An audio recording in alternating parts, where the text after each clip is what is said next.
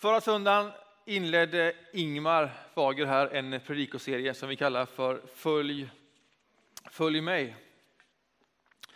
Eh, och den kommer vara nu en, eh, en stund här under hösten. Nästan ända fram till första advent med några undantag. Och jag fortsätter på den serien. Följ mig och det är ett citat från Jesus Kristus. Han säger följ mig. Och så undersöker vi olika aspekter av det, ingångar i det. Vad betyder det att följa honom? Och idag hämtar jag en bibeltext från Johannes evangeliet. Och har du en bibel så följ gärna med ifrån kapitel 15 och ifrån vers 11.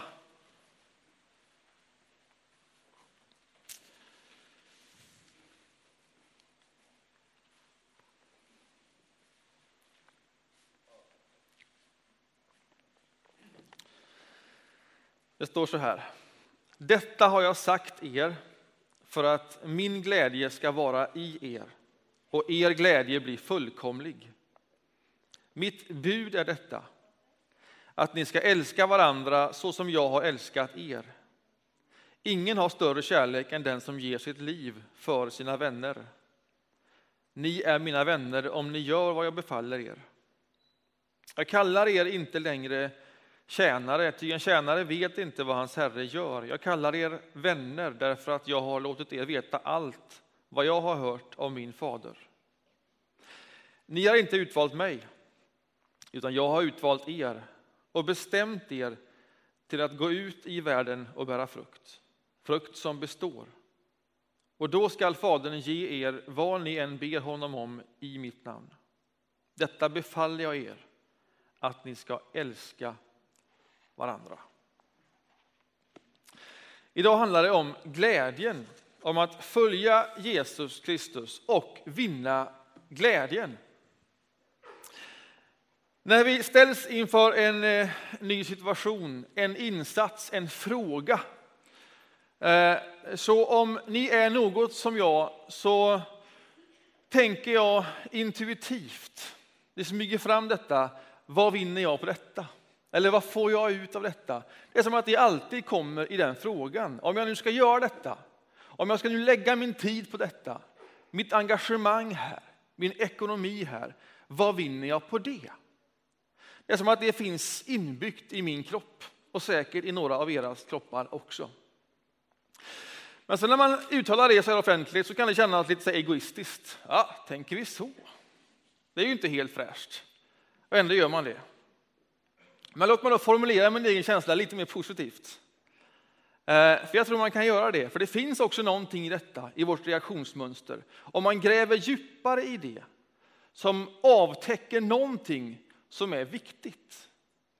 Alltså, om man inte bara ställer frågan till allting, vad vinner jag på detta? Utan ställer frågan mer koncentrerat och fördjupat. Vad är det jag egentligen vill vinna? Innan jag ställer den typen av frågor? Det är ju en bra fråga. Vad är det jag egentligen i ett liv vill vinna? Och om du koncentrerar den och kokar ner den ännu mer och säger lek med tanken att du bara kan vinna en sak. Och nu vet vi alla att man kan vinna många fler saker. Och livet är ganska komplext. Men om du bara kan vinna en sak i ett liv, vad är det då du vill vinna? Kan man ställa frågan på det sättet? Ja, tänker du att vara frisk? Den som är frisk, den, eh, vad är det man säger, vill jättemånga saker. Men den som är sjuk vill bara en sak. Eller säger någon, ah, någon att leva med, det ligger på min lista. Ja, eller ett meningsfullt och utvecklande arbete. Det ligger på min lista. Vad är det du vill vinna om du ska koncentrera det? Nu har jag haft tid att tänka på detta lite längre än vad ni har haft tid på att, på att tänka på detta. Och jag, jag, jag drar en lans idag för det som är temat, naturligtvis surprise. Jag undrar om inte just glädje skulle kunna segla upp ganska långt på den listan om man fick liksom reflektera och värdera allt det som kommer upp av det jag skulle kunna och vilja vinna i ett liv. Jag tänker mig att glädjen den är så grundläggande i livet och så viktig och påverkar så mycket. Att den skulle kunna genomsyra allting i livet, allting vi är med om, både det som är positivt och det som är arbetsamt. Om glädjen fanns där som ett grundstråk, är det möjligt? Och om glädjen är så centralt, om ni följer med mig i den tanken nu, i det experimentet, i denna predikan. Om det är så viktigt och så önskvärt, hur får man då tag i den glädjen? Vi vet ju alla hur vi planerar för någonting som är roligt. Någonting som är tillfredsställande. Man planerar inför en god resa. Det vet man, det gör man på gott humör. Eller en bra film. Eller man träffar någon som man vet alltid får mig på gott humör. Alltså vi har idéer om hur vi planerar ett liv, vad vi ska göra som är roligt och som lättar upp. Det där är ju viktigt, men är det det vi menar med en bestående glädje? Eller är det någonting annat? Eller för, alltså, vad är detta med glädjen? Hur många av er såg en intervju med kungen angående hans 40 år på tronen? Det var bara jag som såg den. Ja. Ja, men jag såg den och jag tyckte den var ganska charmig. Att det fanns poänger i kungens intervju, 40 år på tronen, det tyckte inte alla, läste jag efteråt. Det fanns någon journalist, kulturjournalist som skrev, alltså vad ska vi göra med en statschef som gått in i en andra pubertet? Och så förfasade man sig över och det, visst, det finns inslag där, där man kan fundera. Men jag såg intervjun och det fanns delar som var riktigt, riktigt bra. Så jag ger vår kung ett utrymme här i Saronkyrkan. Han får frågan av journalisten så här. Har du haft en klar målsättning? Och då säger han på sitt goa lite sätt. Nej, det har jag aldrig haft. Nej, det blir så stressande och pressande. Alla ska ha målsättningar nu för tiden. Och planera karriär och hur långt man ska hinna och på vilken... Nej, det tror inte jag på. Och så lägger han till. Nej, jag tror det är viktigt att ha roligt. Och så säger journalisten, ja men, men, men någon röd tråd har du väl ändå haft? Ja, säger han, det är ett mycket bättre uttryck. En röd tråd, det har jag haft. Miljöengagemanget, det har varit min röda tråd. Och när jag lyssnar på honom och sitter där i soffan så tänker jag att vi är många som skulle behöva lyssna på kungen, vad han faktiskt säger i detta. För det är riktigt, riktigt bra. Det är en god stycke vägledning. Det är ett bra råd att ha lite roligt. Alltså planera in det. Det är inte så dumt. Det är viktiga värden i liven. Det kanske är nog så viktigt som en klar målsättning, om det nu är så himla viktigt. Det kanske är nog så viktigt som en genomtänkt karriärplanering, om det nu är så himla viktigt. Ja, jag tror på att ha lite roligt. Att ha roligt, ja, men glädjen då? Glädjen är väl ändå någonting som går djupare än att ha roligt. För vi vet ju att man kan inte och man behöver inte ha roligt hela tiden. Det blir ju helt skruvat. Ingen mår bra av att alltid, alltid ha roligt. Men jag tänker mig glädjen som den potentiellt röda tråden som löper genom ett liv. Och den röda tråden den behöver inte ändras beroende på sinnesstämning och omständigheter. Om man nu har roligt eller om man sliter med någonting. Den kan vara mycket mer beständig än så. Glädjen som den röda tråden i ett liv. Så får man nå fast i glädjen. Vi är kvar vid den frågan. Om man lyssnar till Jesus i den här texten så tycks det ju verkligen så Som om glädjen kan bli en beständig följeslagare i ett liv. Lyssna vad han säger. Min glädje kan vara i er och er glädje kan bli fullkomlig. Det är ganska starka ord omkring glädjen. Alltså hans glädje kan vara i oss och vår glädje blir fullkomlig. Och då tänker någon, fullkomlig, det är ändå att ta i. Det är inte rimligt. Dit kan ingen människa nå. Nej, dit kan nog ingen människa nå nu. Och man behöver förstå detta ord, fullkom vad är fullkomligt? Är det bara att sikta på vad man nu siktar på för att möjligen komma en bit dit hän?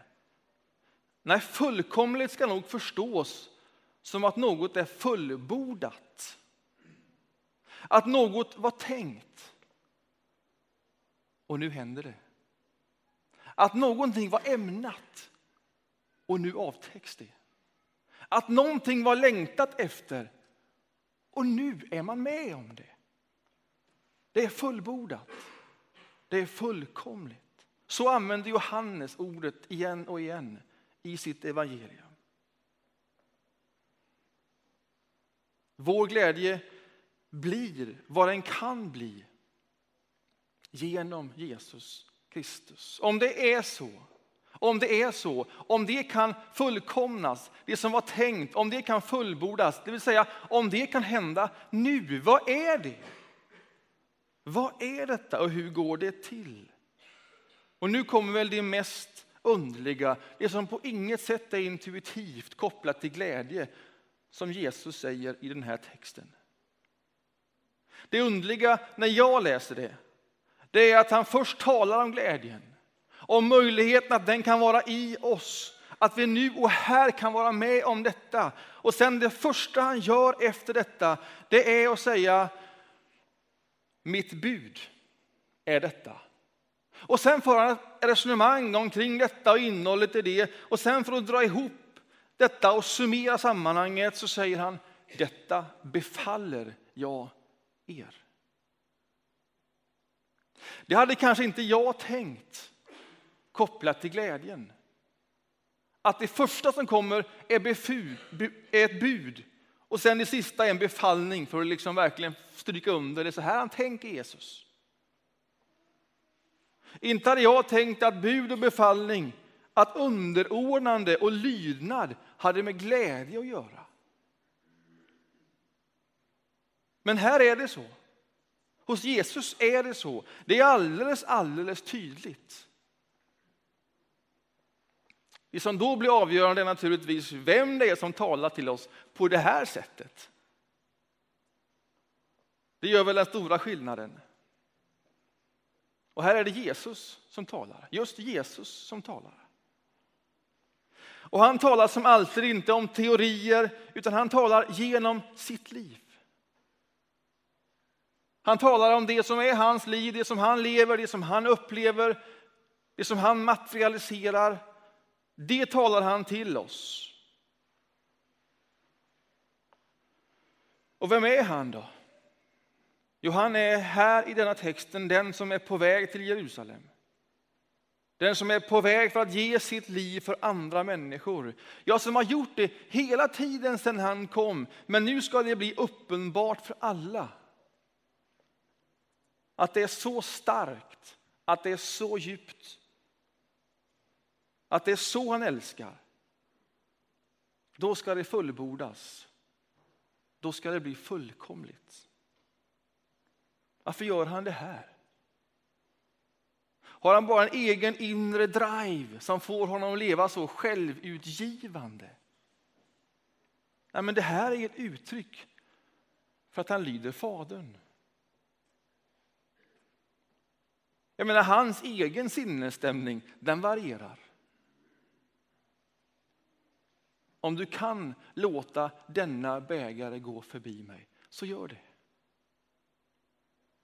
Men inte som jag vill, utan som du vill. Vem är då hans fader, denne Gud? Är det någon sadist som njuter av att försätta sin son i en sån situation?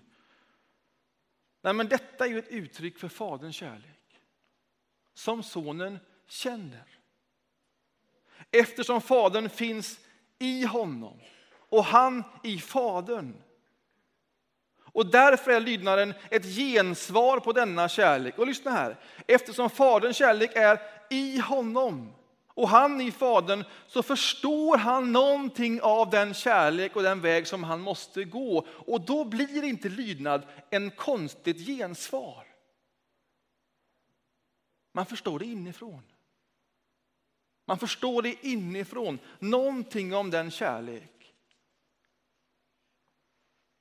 som är Faderns och som också blir Sonens. Och lyssna nu. Detsamma gäller den som följer Jesus. Varför gör vi det? Alltså vi gör det för att han älskar oss. Ingen har visat större kärlek än den som ger sitt liv för sina vänner. Den man talar om, som talar om sig själv detta, det är Jesus Kristus. Ingen har visat större kärlek. Och det är just därför som vårt gensvar blir lydnad. Det är inte konstigt att han säger till oss, älska varandra. Det är budet. Så som jag har älskat er. Och när Jesus kärlek som genom tron är i oss och vi i honom. Det är ett uttryck som återkommer igen och igen och igen. Man kan få del av kärlek i oss och man kan vara i honom. Alltså väldigt liknande så som relationen beskrivs mellan Fadern och Sonen. Fadern är i honom och Sonen hos honom. Så beskrivs vår relation med Jesus Kristus. Guds kärlek, Jesus Kristus, den är i oss och vi i honom. Och när det är så, så förstår också vi någonting om Guds kärlek och den väg vi då måste gå. Det är som att vi förstår det på insidan. Och då blir responsen lydnad, eller i vårt språkbruk att följa honom. Inte så konstig. Därför att vi förstår någonting om Guds kärlek som för oss vidare.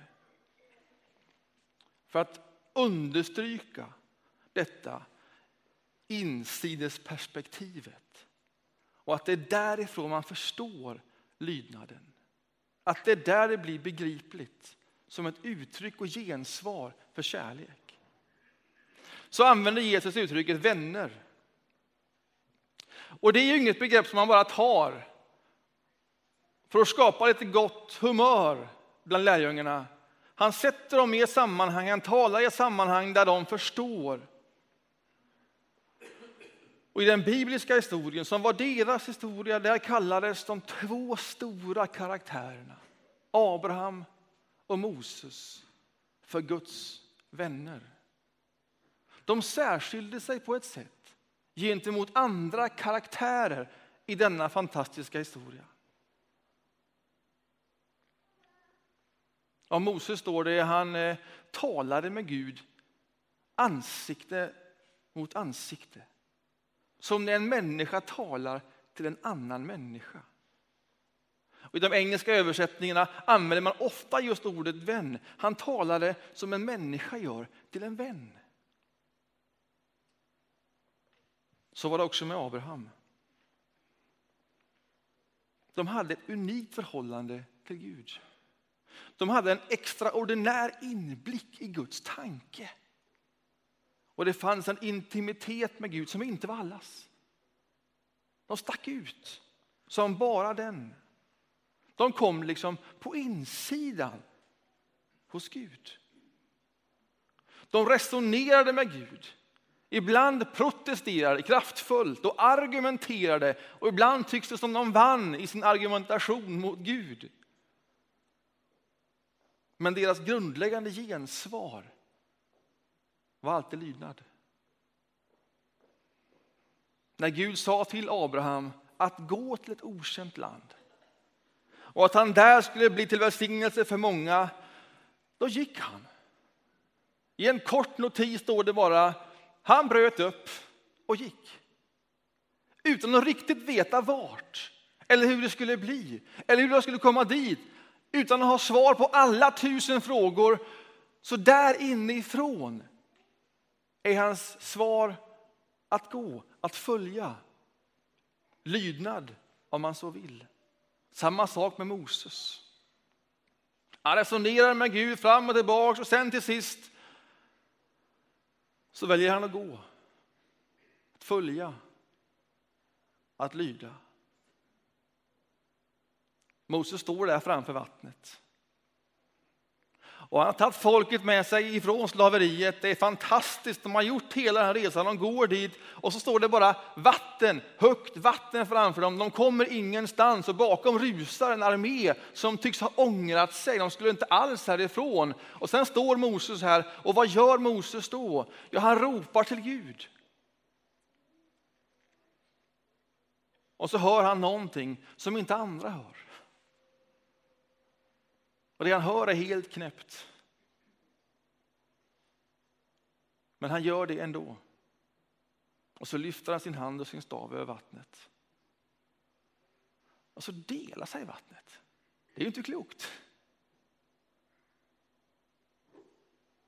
Men hans gensvar det var lydnad. Och så gick de alla befriade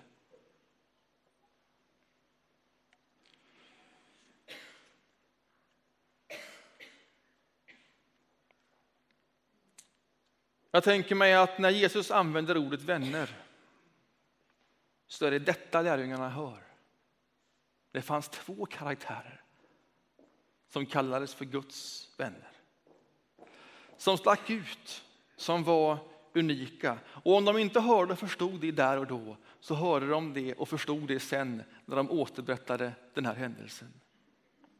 När de verkligen förstod vem Jesus var, Guds son. Och vad var det de hörde? Jo, det Gud hade tänkt för alla människor. Inte bara för Abraham och för Moses. En extraordinär inblick i Guds tanke. En intimitet och möjlighet till levande dialog.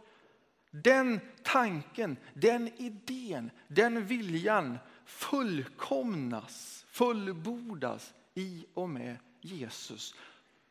Det gör det unika möjligt för alla.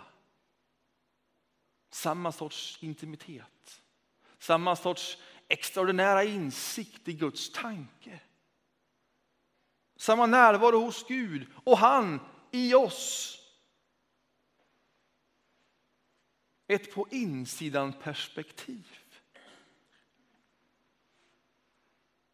Och på insidan är det inte konstigt att lydnaden blir gensvaret. Det är för mig en fantastisk tanke att ha glädje som en röd tråd i sitt liv. Om det nu är möjligt så behöver man först själv formulera vad är då glädjen och vad skapar den? och liksom skapar glädjen när jag läser Jesus tycks vara lydnaden, eller lydnaden som en central komponent åtminstone. Eller bara det att vi faktiskt följer Jesus. Det är vårt mer sympatiska sätt att uttrycka samma sak.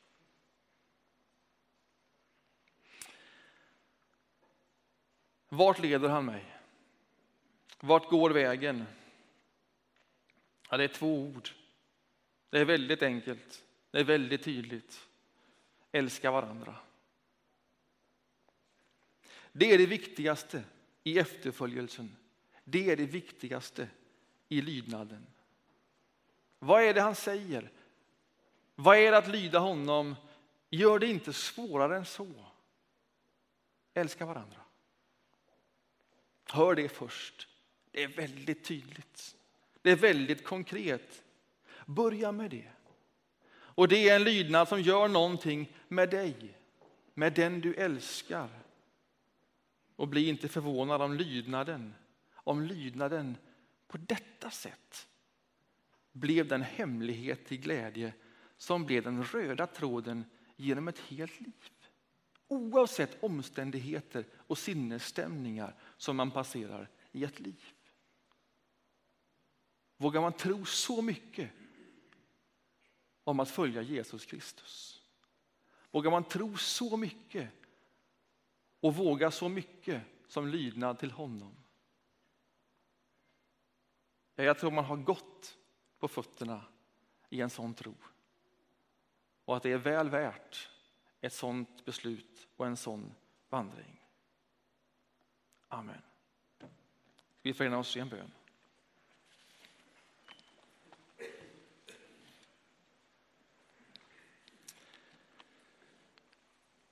Jesus, tack för orden om glädjen, om din glädje i oss. Och om att vår glädje kan få bli fullkomlig nu. Att det som har varit tänkt lång, lång, lång tid kan hända nu. Att det som var några människors unika situation som Abraham och Moses nu kan få bli allas. En extraordinär inblick hos dig i din kärlek. En sån sorts intim relation. Inte för att vi först väljer det, utan för att du har valt detta för oss. Och att vi gensvarar på det. Och att vi gör det genom att lyda. För att du är du, för att du har en större blick. För att du alltid har en djupare förståelse.